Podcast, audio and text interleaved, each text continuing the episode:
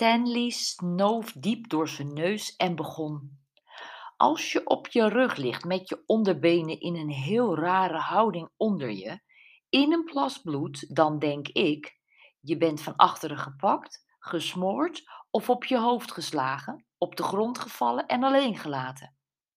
Zelfmoord was het niet, want er hing geen touw of riem en de douche hangt trouwens niet hoog genoeg.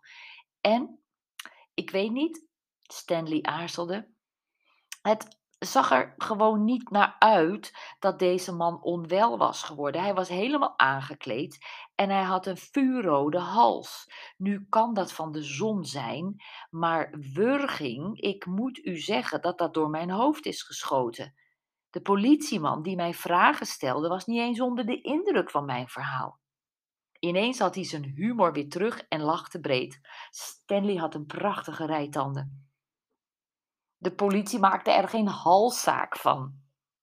Brenda lachte met hem mee. Ze pakte de twee glazen wijn aan en schoof zeven euro naar voren. Nog één vraag, Stanley. Hij knikte. Kende jij de dode man?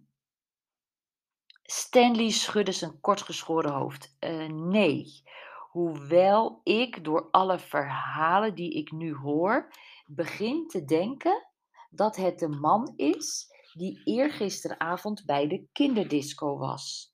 Miss Miranda viel toen flauw en hij gaf mij een briefje met een telefoonnummer. Hij vroeg of ik dat aan Miss Miranda wilde geven. Dat heb ik gedaan. Ja. Stanley keek nadenkend omhoog. Ik kon het gezicht van de dode man niet goed zien, maar hij zou het echt kunnen zijn. Ik denk dat Miss Miranda hem kent. Dankjewel, man. Brenda gaf Stanley een hand en draaide zich om. Jules stond bij het zwembad en naast haar stond Andy. Jij bent snel terug, zei Brenda. Was Miranda er niet? Jawel, knikte Andy, maar ze wilde niets vertellen. De enige met wie ze wil praten is met jou. Ze vroeg of jij daar nu tijd voor hebt. En of ik tijd voor Miranda heb. Ze tikte haar glas tegen dat van Jules. Proost op de bijna oplossing van het boslustmysterie. Ze vertelde Jules wat Stanley had gezegd. Wauw, we komen echt tot een eindconclusie. Jules stond letterlijk te trappelen van ongeduld. En ik weet ook meer.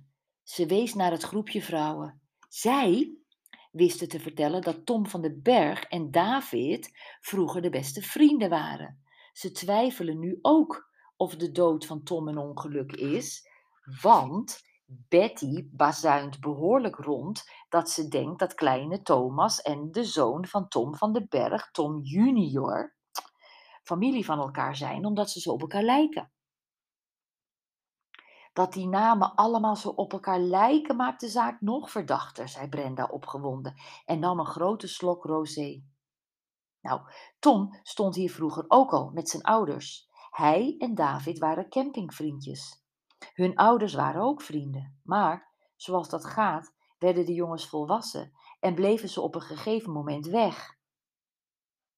David heeft later met Miranda hier op Boslust een eigen chalet gekocht. Tom is naar Limburg verhuisd. Zijn moeder is overleden en zijn vader is nu naar een verzorgingstehuis. Tom was hier dit weekend met zijn gezin om de staakerven van zijn vader op te ruimen.